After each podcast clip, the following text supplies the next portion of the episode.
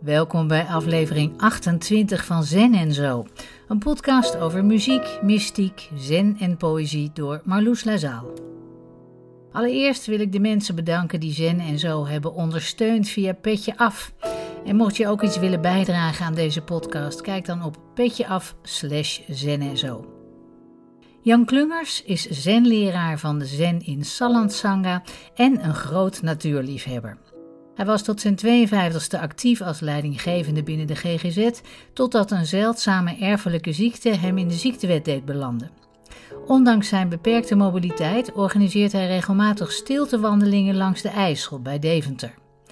En omdat ik, zoals velen met mij de laatste tijd, steeds nieuwsgieriger naar vogels ben geworden en ik ook graag eens wilde buitenspelen met Zen en zo, heb ik met Jan op een heerlijke zonnige ochtend afgesproken bij de uiterwaarde van de IJssel. We zijn hier op de parkeerplaats bij de ingang van de Duurse Waarde. En daar gaan we zo in. En de Duurse Waarde, dat is een heel um, bijzonder gebied.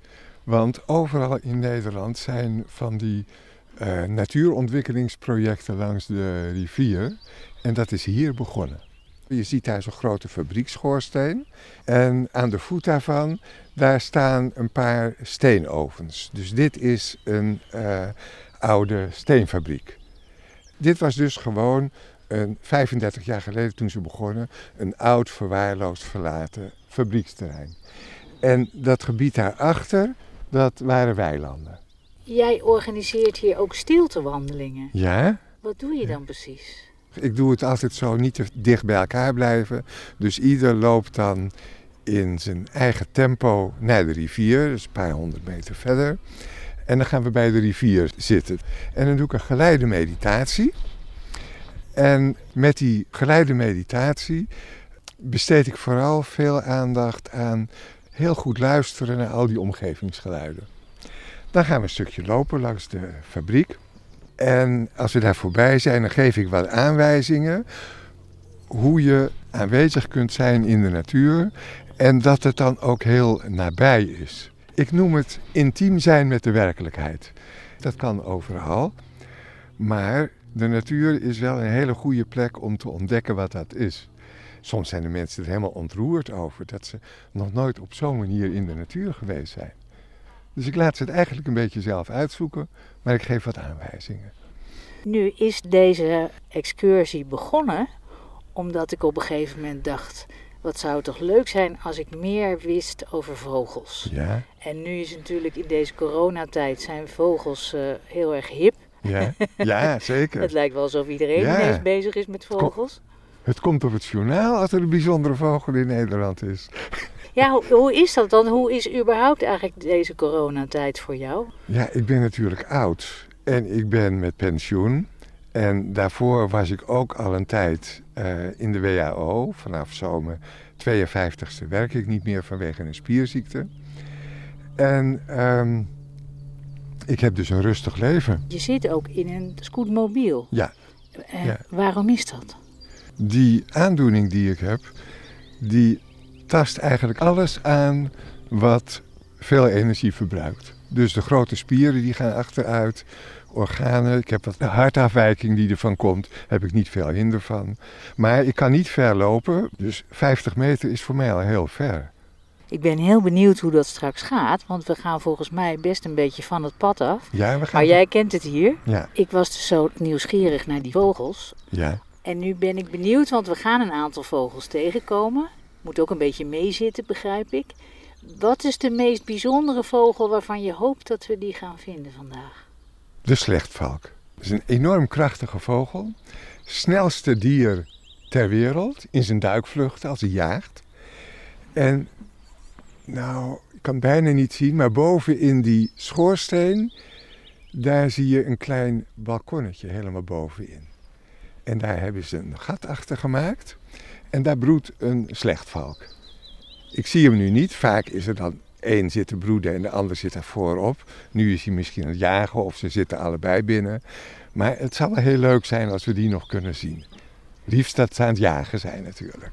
Want die horen we niet waarschijnlijk. Nee, als ze, als ze een prooi hebben en ze komen daar aanvliegen, dan maken ze wel wat begroetingsgeluiden. En wat is de vrolijke vlierenfluiter die wij nu al de hele tijd horen? Je hoort hier dat getik. Dat zijn roodborstjes. En dan is er zo'n melodieus zacht liedje wat naar beneden gaat. Hier. Dat is een fiets. En wat verder weg hoor je heel luid, een beetje scherp rollend geluid. Dat is een winterkoning. En in de verte, je hoort hier eigenlijk altijd wel grauwe ganzen. Nou, hier de fiets weer. Ik hoorde net een vink zingen en uh, kieviet heb ik hier al over horen komen. Tuinfluiter, zwartkop, tjiftjaf. Nou, alleen al op deze plek hier kun je dat al allemaal horen.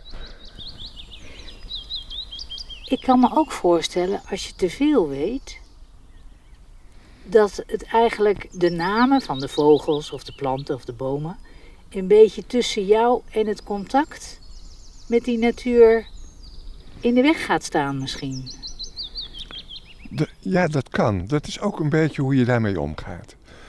Soms wordt daar wat dogmatisch over gedaan, over dat je eigenlijk alles moet vergeten op het moment dat je dingen hoort. Nou, dat kan natuurlijk niet.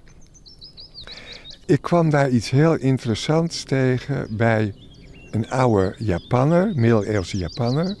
Basui of Bankei, ik weet niet, een van die twee. Ik geloof dat het Bankei was. En die heeft het steeds over het ongeborene. Boeddha natuur noemt hij het ongeborene. En dan zei hij, let maar eens op, zei hij. Je bent ergens en je ziet in de verte, zie je iemand aankomen en dan zie je, oh, dat is die en die. En dat gaat helemaal vanzelf.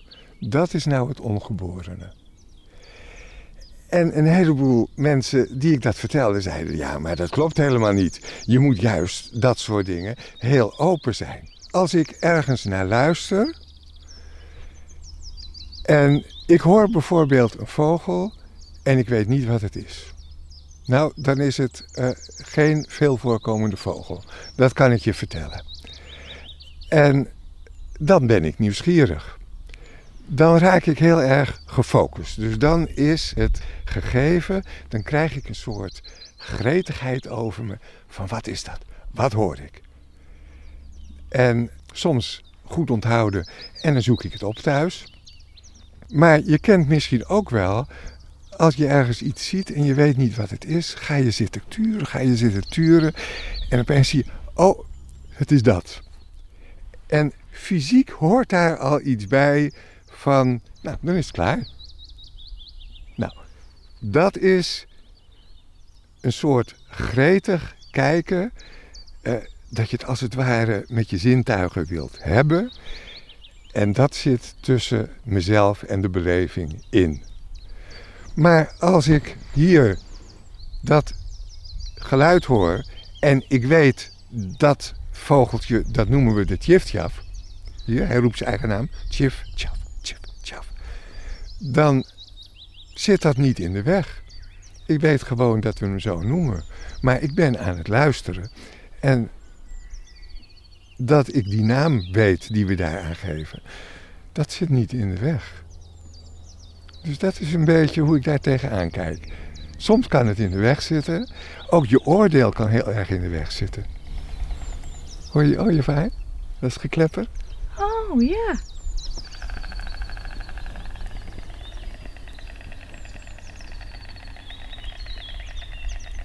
Wat gaat dat snel? Ja.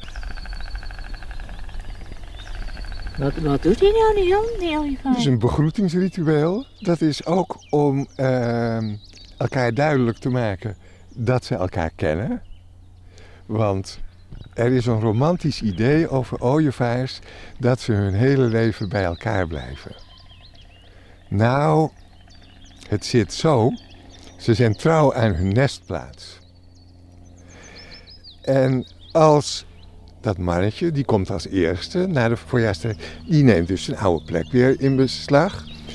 En dat vrouwtje, dat komt ook, maar dan zijn er kapers op de kust. dan komt er bijvoorbeeld ook een ander vrouwtje bij. Dan helpt hij zijn vrouwtje niet. Hij weet niet eens wie van de twee zijn vrouwtje is. Hij wacht gewoon tot ze uitgevochten zijn en wie gewonnen heeft. En dat is zijn vrouwtje. En als hij een paar honderd meter verderop zit en hij zit daar voer te zoeken. En er is een andere ooievaar en dat is zijn vrouwtje. Dan herkent hij haar niet eens. Jongen. Dus ze hebben zo'n eh, ritueel nodig om duidelijk te maken dat ze elkaar herkennen en dat dit de plek is waar ze thuis horen. Die kennis daarover, die maakt dus ook dat je meer ziet. Dus ik vind het geen belemmering dat ik dat weet. Nee, sterker Dat- nog, dat ik is- vind het heel erg leuk. Ja, ja, het, het, het helpt me ook kijken.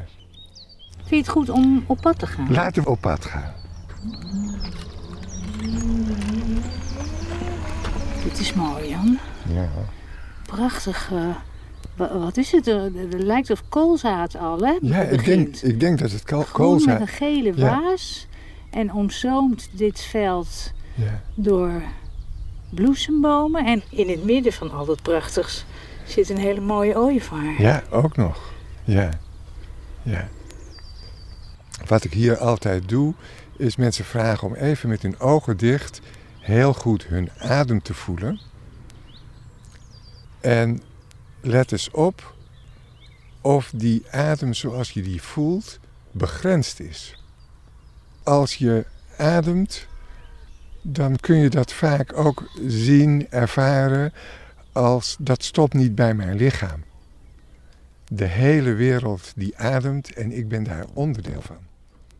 En ik denk dat dat een hele goede manier is om meteen al een verbinding te leggen met je omgeving.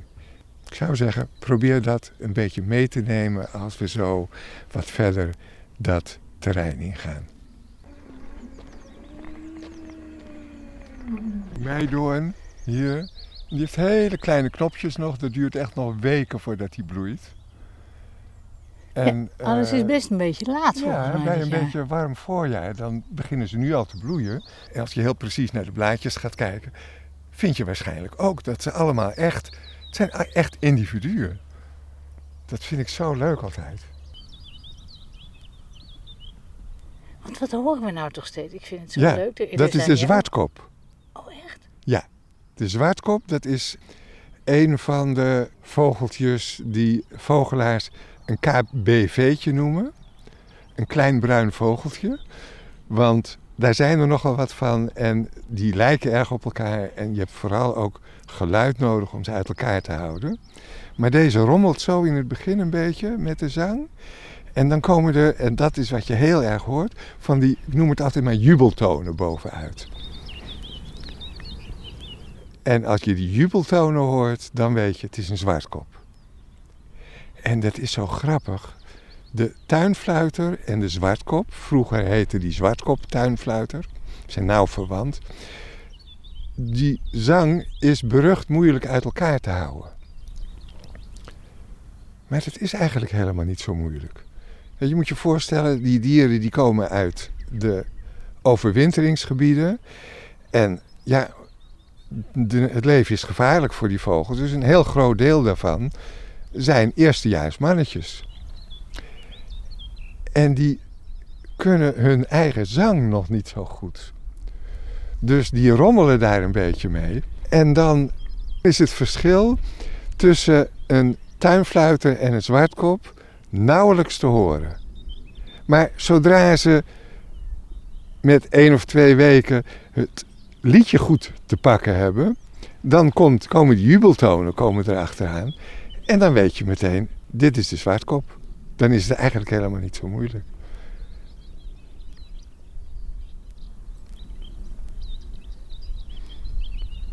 Kennen deze hun liedje al?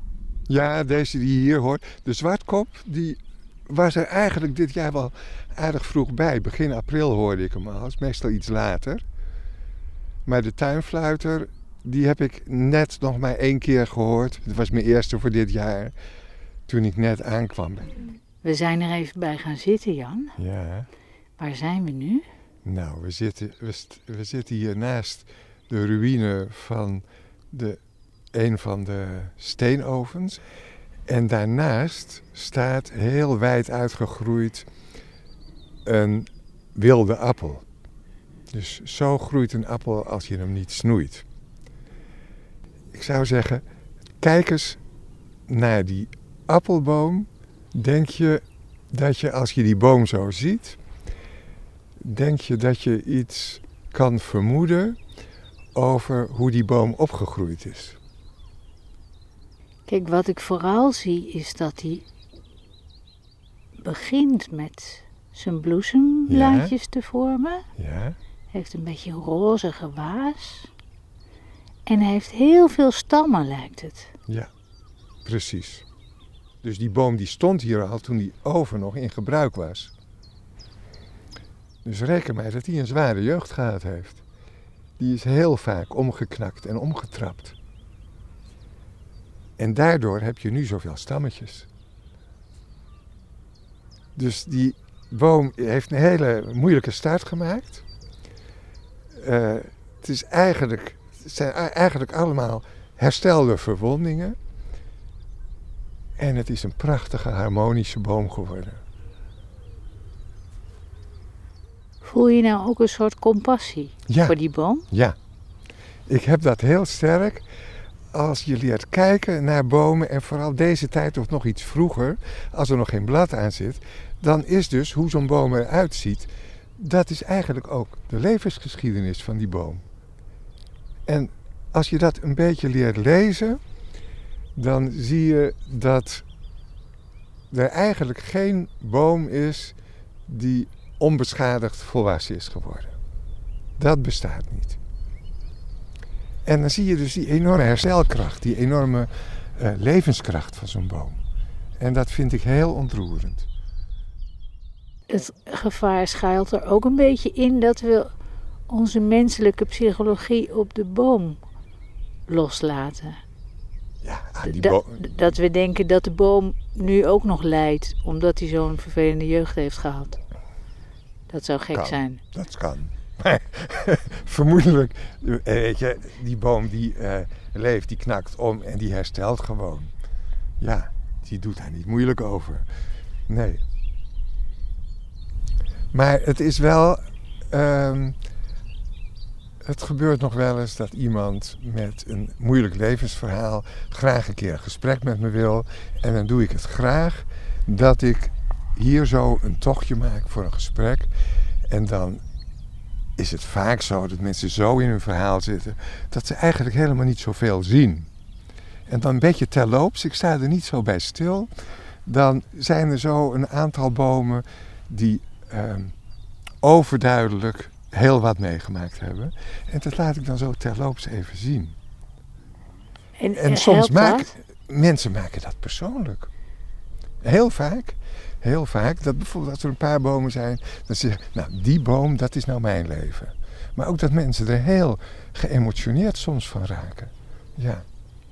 Dus die verbinding, het zien dat wat er in de natuur gebeurt, dat al dat leven, dat dat eh, heel krachtig is, dat het kan herstellen, maar dat het ook gekwetst wordt en toch doorgaat. Dat, ja, dat is toch iets wat mensen kan troosten. En dan nog iets wat ik je wil laten eh, meemaken. Dat is, ik heb hier een zo'n houten zwangerschapsstethoscoop. En ik zou je willen vragen om eens naar die boom te luisteren. En dan gebruik je hem andersom als bij zwangerschap. Hè? Dus dat kleine gaatje zet je tegen de boomstam. Dat grote gat hou je tegen je oor. Maar niet klem natuurlijk, want dan hoor je je eigen oor. Dus net, dan heb je hetzelfde als met een schelp die je tegen je oor zet. Dan wordt dat een soort geruis. Dus je moet hem wel ruimte houden.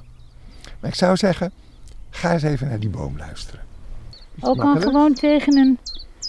Gewoon zo. En niet te strak tegen je hè? Hoor je het ruisen? Ik denk dat ik iets hoor ruisen, ja. Ja, je hoort wat ruisen. De Maar- saps, je hoort de sapstroom van die boom. Je, je hoort een zacht geruis en dat is de sapstroom van die boom. Dus je hoort het leven van die boom. Bijzonder, hè? Ja, Weet bijna niemand. nee. ik weet niet zo goed wat ik ervan moet vinden. Maar ik vind het wel leuk. Ja, ja, Dit, dit is nog weer even een stapje verder dan het bomen knuffelen. Dit Ja. is het bomen beluisteren. ja, ja. Jan, we zijn even op een beschut plekje gaan zitten, uit de wind. En nu zitten we hier echt in een meidoorn bosje ongeveer. Ja, met eh, allemaal groen. eh, die, die meidoorn staan eigenlijk op een weiland.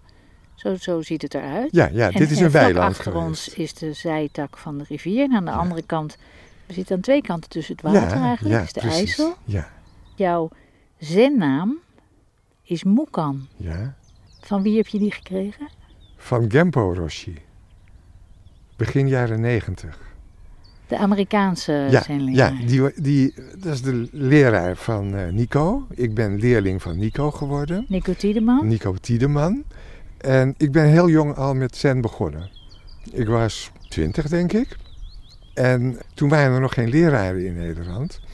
Dus ik heb het geleerd uit een boekje. Met een paar vrienden kwamen we elke week bij elkaar. En eh, de aanwijzingen haalden we uit boekjes. En daar is een hele belangrijke nog bij. Het is een beetje een saai boek, geloof ik. En dat is van, van Durkheim. En dat boek heette Het dagelijks leven als oefening. En ik heb eigenlijk vanaf het begin die titel van het boek alleen al, dat raakte mij heel sterk. En ja, ik heb bijna in die tijd een gelofte afgelegd dat ik mijn leven, dat dat mijn beoefening zou zijn en dat ik nooit het klooster in zou gaan. En dat is de achtergrond van mijn eh, naam, want ik heb toen een dag meegedaan bij een sessie bij, eh, bij Gempo. In de Tiltenberg toen. En toen vroeg hij mij of ik nog wat wensen had voor mijn boeddhistische naam. En toen vertelde ik dat ik met mezelf afgesproken had dat mijn leven mijn beoefening zou zijn en dat ik niet in het klooster mezelf op zou sluiten. En toen kreeg ik de naam Moekan. En er is zo'n koan-verzameling, de Moemonkan, de poortloze poort.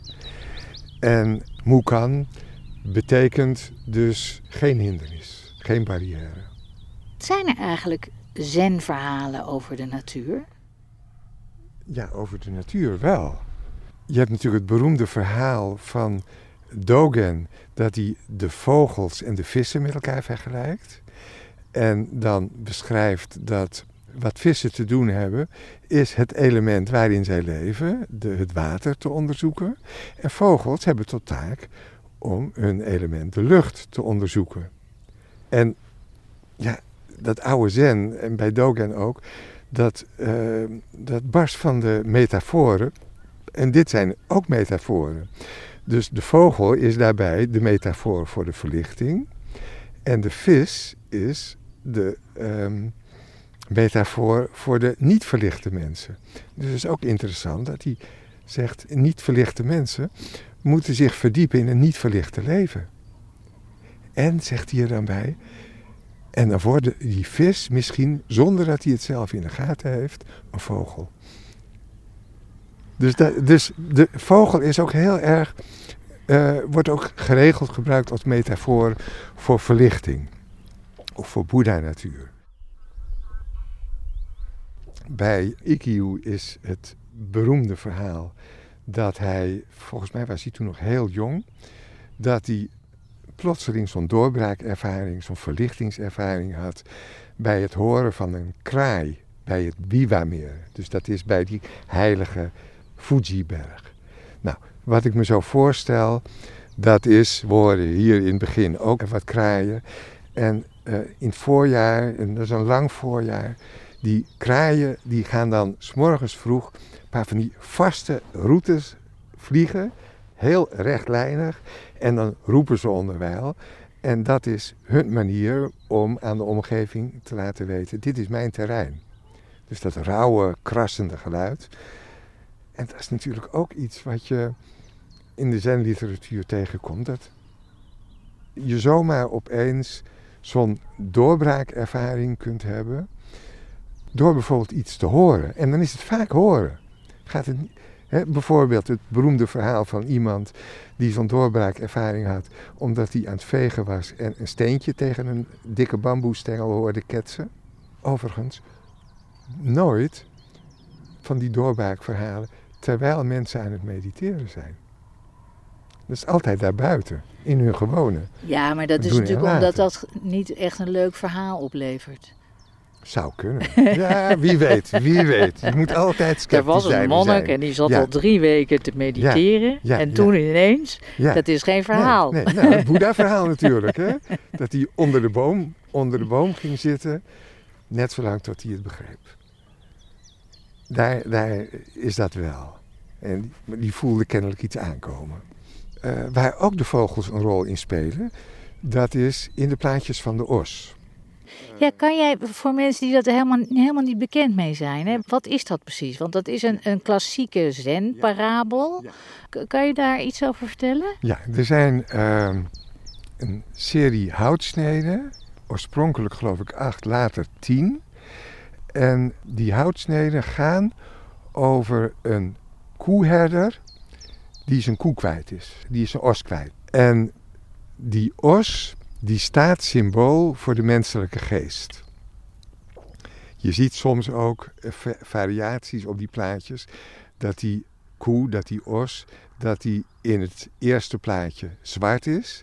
En dat die dan steeds witter wordt. En dat aan- bij het laatste plaatje helemaal wit is. Dus dat soort symbolen kom je daar ook in tegen. Dus het eerste plaatje gaat heel erg over die herder die is aan het zoeken. Hij heeft geen idee waar hij zoeken moet. Zijn koe kwijt en geen idee. En dan gaat dat steeds verder. Hij vindt de sporen van de koe. Hij vangt een glimp op. Hij vangt hem. Hij temt hem. Uiteindelijk is die koe zo tam. Hij kan er gewoon op zitten en lekker een liedje spelen. En uiteindelijk, hè, dat krijg je met metaforen. Op een gegeven moment is die koe verdwenen. En de zweep en de touw wat hij nodig had om hem in bedwang te houden, is ook verdwenen. En de uiteindelijke afronding is dat hij niet in die gelukzaligheid blijft zitten, maar dat hij weer teruggaat naar de markt, naar het gewone leven. En daar zijn verschillende versies van. In plaatjes, maar ook in teksten. En ook in het middeleeuwse Japan werden daar nog teksten van gemaakt. En ik had me alles voorgenomen van ik wil eens een, ehm, die teksten van de plaatjes van de os, die wil ik eh, een keer illustreren met foto's. En toen was ik met die tekst bezig en ik dacht, ik vind het hier en daar misschien een beetje te romantisch. Het is een rauw proces waar je doorgaat. Dus ik heb een eigen versie van, ik heb een boekje van gemaakt, een fotoboekje met eh, teksten. En in die eerste, daar komt ook een vogel in voor. Of vogels. En het Eh, boekje heet De Koe bij de rivier. Die hè? ik gemaakt heb, is De Koe bij de Rivier. En al die foto's zijn hier gemaakt. Ja, prachtige foto's. Ja, heel mooi. En ehm, wat in dat eerste verhaal gebeurt, dat is die herder die zit daar een beetje eh, rond te kijken en die weet het allemaal niet. En dat is natuurlijk wat we ook te doen hebben. We moeten onze kwesties eh, oplossen. Maar tegelijkertijd ben je daarmee ook een beetje in jezelf opgesloten. Word je een beetje e- egocentrisch van en je stapt een beetje wild in het rond. En in eigenlijk al die eerste versies zit daar een zinnetje bij wat in de commentaren eigenlijk niet zoveel aandacht krijgt. En wat voor mij, dat raakte mij heel erg. Voor mij was dat het belangrijkste zinnetje. En soms wordt dat vertaald met eh, de nachtegaal. Dat die nog gewoon, hè, de krekels die sjerpen in het gras en de nachtegaal die zingt in de bosjes. Hè, het gaat gewoon door, het leven gaat gewoon door. En die herder had niks in de gaten. Dus mijn versie van dat eerste plaatje van de os, ik zal het even voorlezen. De koe is er vandoor. Niet bij de rivier, niet in het bos. Ik weet niet waar ik haar moet zoeken. Donkere wolken pakken zich samen. Stengels liggen geknakt op mijn pad. Wie ziet ze? Krekels sjirpen in het gras. De staartmeesjes klinken in het bos. Wie hoort ze? Bij mij zijn het staartmeesjes geworden, want dat is mijn lievelingsvogel. Die vind ik zo ontzettend leuk. Echt, als ik die hoor, dan springt mijn hart op. Oh? Altijd, ja. ja. En wat is dat? Weet je dat? Ja. Oh, waarom dat? Waarom, Ja, ik weet het niet. Ik vind het een heel ontroerend vogeltje. Heel klein. eh, Hoe ziet hij eruit? eh, het is een, ehm, een vogeltje, nou ter grootte van een winterkoninkje misschien. Heel erg klein met een, een heel lang staartje. En ze zijn altijd bij elkaar, altijd in groepjes zie je ze vaak zo rondzwerven. En ze hebben hele mooie zwarte streepjes over hun lichaam. En dan hoor je zo'n heel zacht geluidje. En dan zie je er één en dan weet je, het zijn er dus minstens tien. ja, prachtig. Gezellige. Ja, vogels. zijn, he- ja, het zijn echt eh, hele sociale vogels. Ja. Nog even terug naar dat eerste plaatje van de os. Hè? Ja. Want, eh, of het eerste plaatje van de Ja. koe in jouw geval. ja. Want waar in de, in de spirituele ontwikkelingsweg, zal ik maar zeggen, begin je dan? Je, je bent de os kwijt. In welke staat ben je dan? Als je de os kwijt bent. Het kan iets zijn van een soort onheimisch gevoel van je niet helemaal thuis voelen in de wereld. Eh, je eenzaam voelen. Heel sterk het besef hebben, wat veel mensen toch vroeg of laat een keer tegenkomen. Ah, Het apart staan. Ik en de rest van de wereld. Ik tegenover de wereld. Maar het kan ook zijn dat je ehm, ernstige dingen meegemaakt hebt waar je heel erg eh, mee worstelt.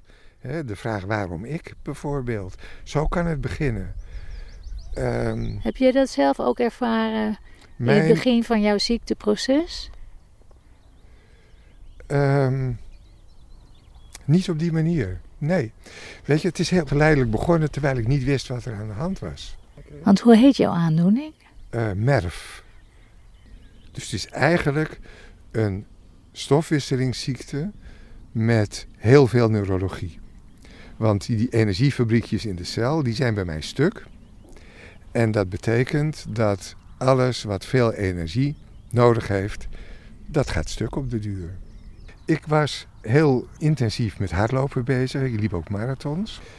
En op een gegeven moment, ik was 38, op een gegeven moment ging het niet meer. In eh, een half jaar tijd van 90 kilometer in de week hardlopen. naar ik kon niet meer hardlopen. In een half jaar was dat gepiept. Eh, dus dat was nogal wat. En het was volkomen onduidelijk. Dat, dat is op zich natuurlijk een vaag sy- symptoom. En ik werkte in de geestelijke gezondheidszorg. En ik had wel in de gaten van dit zijn zulke vage dingen die er aan de hand zijn. Eh, hier gaat niemand iets vinden. Wat gebeurt er in zo'n situatie, zeker in die tijd? Dan sturen ze je naar de psychiater. En ik dacht, nou, dat ga ik niet doen, want daar is niks mee aan de hand. Dus ik- ik ben er niet eens mee naar de dokter gegaan. En ehm, toen ik zo 45 was, heb ik mijn eerste wandelstok gekocht.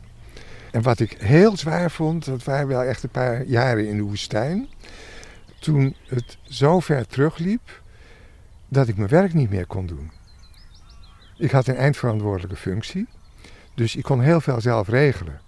En eh, ik had gewoon mijn kantoor thuis en ik hield contact met, eh, met het secretariaat via de telefoon. En eens in de week ging ik naar Utrecht ongeveer.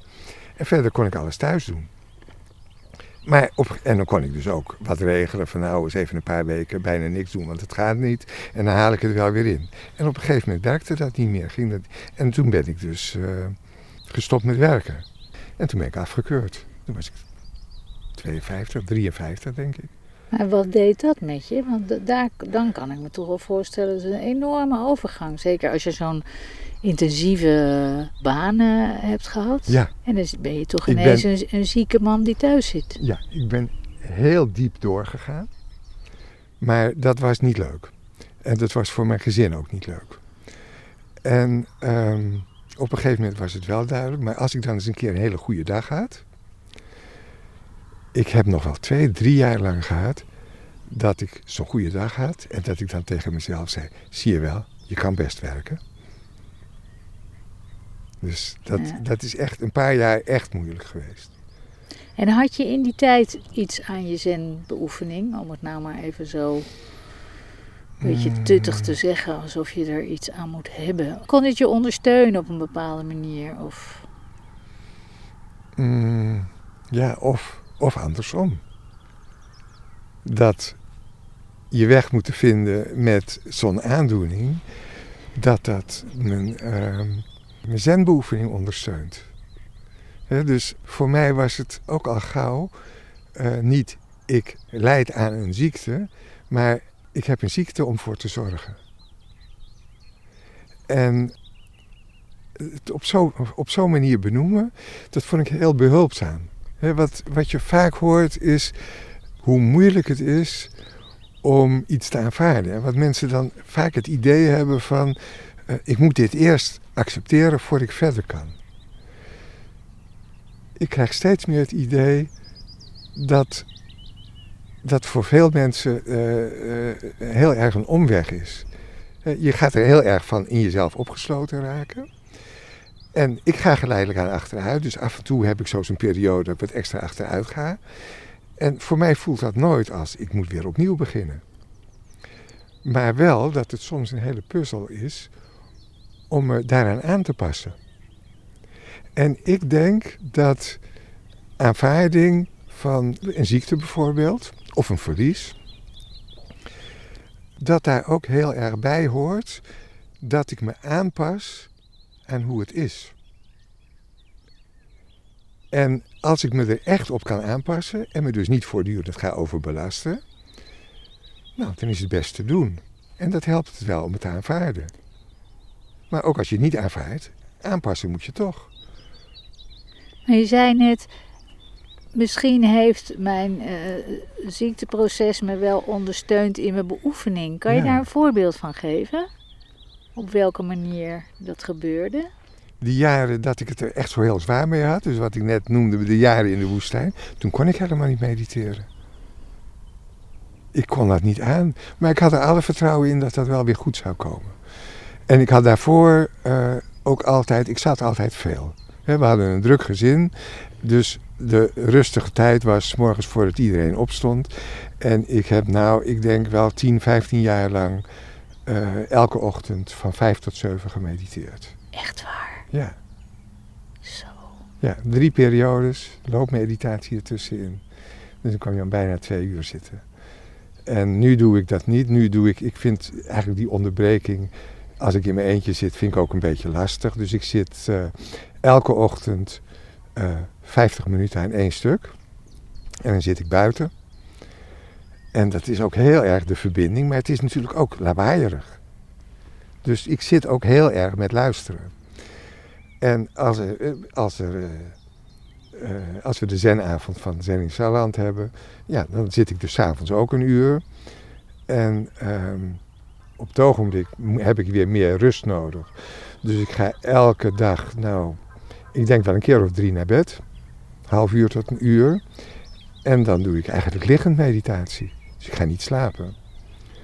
Dus eh, ik mediteer heel wat af, ja. Maar wat misschien wel echt een grote ontwikkeling, een grote stap is geweest. Toen ik de WHO inging, toen zei mijn vrouw tegen mij: Maak je geen zorgen. Als je verder achteruit gaat, ga ik voor je zorgen. En drie jaar later zorgde ik voor haar. Zij, eh, zij werd erg ziek. En eh, meer, twee, twee grote, grote kwalen achter elkaar. En ehm, ja, waarschijnlijk het hele immuunsysteem van slag. In ieder geval, eh, ze begon aan alle kanten krom te groeien. Dus ze kon eh, een heleboel dingen niet meer zelf doen. En eh, nou, dat was voor mij een flinke klus natuurlijk. Maar eh, toen is er een tijd geweest, dus nu, nu gaat het weer veel beter en nu hoef ik niet meer, eh, niet meer voor haar te zorgen. En we zo- zorgen natuurlijk ook een beetje voor elkaar, want mijn hoofd doet het af en toe niet goed en daar helpt zij mij mee. Het mooiste wat ik daarin eh, ontdekt heb, is dat in die, in die situatie er niet meer zoiets was als geven en ontvangen. maar dat het een situatie was waar we samen voor moesten zorgen. En die ontdekking, dat op die manier ervaren van wij zitten samen in een situatie waar we samen het beste van moeten maken. Dat was voor mij wel echt uh, een, een grote ontdekking. Ja. Als we nog even teruggaan naar de koe. Ja, ja de koe. We zijn begonnen met, bij plaatje 1 dat uh, de, de os of de koe in jouw geval is, is weg. De, de herder loopt tastend, zoekend rond. Ja. Maar het verhaal eindigt uiteindelijk bij het tiende plaatje. En hoe heet dat bij jou? Nou, ik heb het geen titel gegeven, het is gewoon nummer 10. Mezelf vergeten, de koe vergeten. Een wijdse ruimte, badend in het maanlicht. Is er nog iets te vragen? Het wordt licht, donker, licht. Bloemen bloeien, zetten zaad en verwelken. Vogels zingen, ze trekken naar het zuiden en ze komen weer terug. Vreugde en verdriet vermengen zich. Wat daar voor mij in zit, uh, onder andere, is het duister.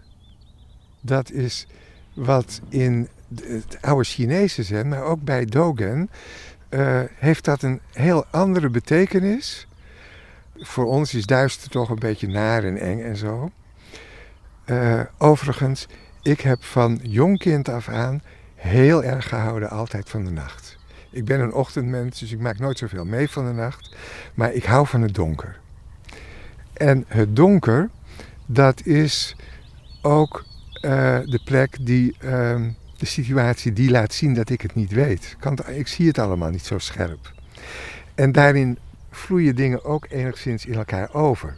Dus in bijvoorbeeld uh, die bekende tekst, de identiteit van veelheid en eenheid, daar is het donker ook de plek van, um, van het ontwaken. En Dogen, die heeft ook zo'n zo'n verhaal waar het duister heel erg een rol in speelt. Welke foto heb je hierbij gezet? Daar heb ik een paar plaatjes bij gezet. Een nachtelijke foto van de rivier heb ik erbij gezet. Ik heb er ook bij gezet een foto van een landschap, een waterlandschap, tijdens een extreme storm- en regenbui. Het tiende plaatje is niet, het is allemaal makkelijk.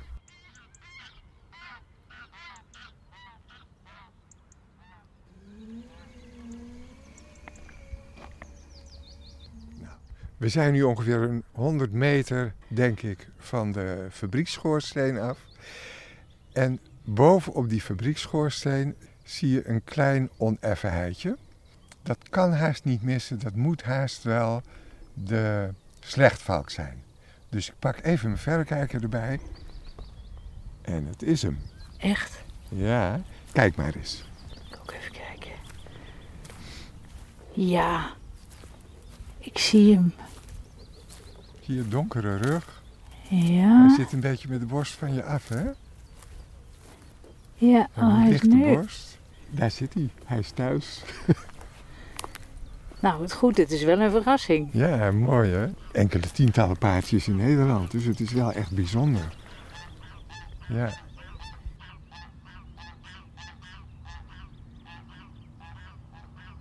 Wat voor muziek zou je de luisteraars mee willen geven? En je hebt een stuk uitgekozen ja. volgens mij. Ja, ik heb uitgekozen Thin Air van Calliope Tsupaki. Calliope Tsupaki is van Griekse herkomst, zoals je aan de naam al wel kunt horen. Maar vanaf haar conservatoriumtijd woont en werkt ze in Nederland. En ze is op het ogenblik componist des vaderlands. Um, zij heeft ter gelegenheid van de coronapandemie een stuk geschreven, wat ik ook een heel intiem stuk vind. Um, dat is na de eerste lockdown uh, gespeeld in het Festival van Compassie. En wereldwijd ook op een heleboel plekken toen op diezelfde dag gespeeld. Dus het is ook een beetje haar geschenk aan de wereld. Het is um, niet heel moeilijk te spelen, heb ik begrepen. Ik speel zelf geen instrument. Uh, niet heel moeilijk te spelen, waardoor ook als je niet heel technisch begaafd bent, je het toch kan spelen. En het kan bovendien uh, op heel veel verschillende instrumenten gespeeld worden. Nou, ik, vond, ik heb veel versies gehoord. Ik vond ze allemaal mooi. En ik vond met name een uitvoering op piano vond ik heel erg mooi. Het staat nergens op de plaat, maar op YouTube is het te vinden. Thin Air dus. Thin Air van Calliope Tsupaki.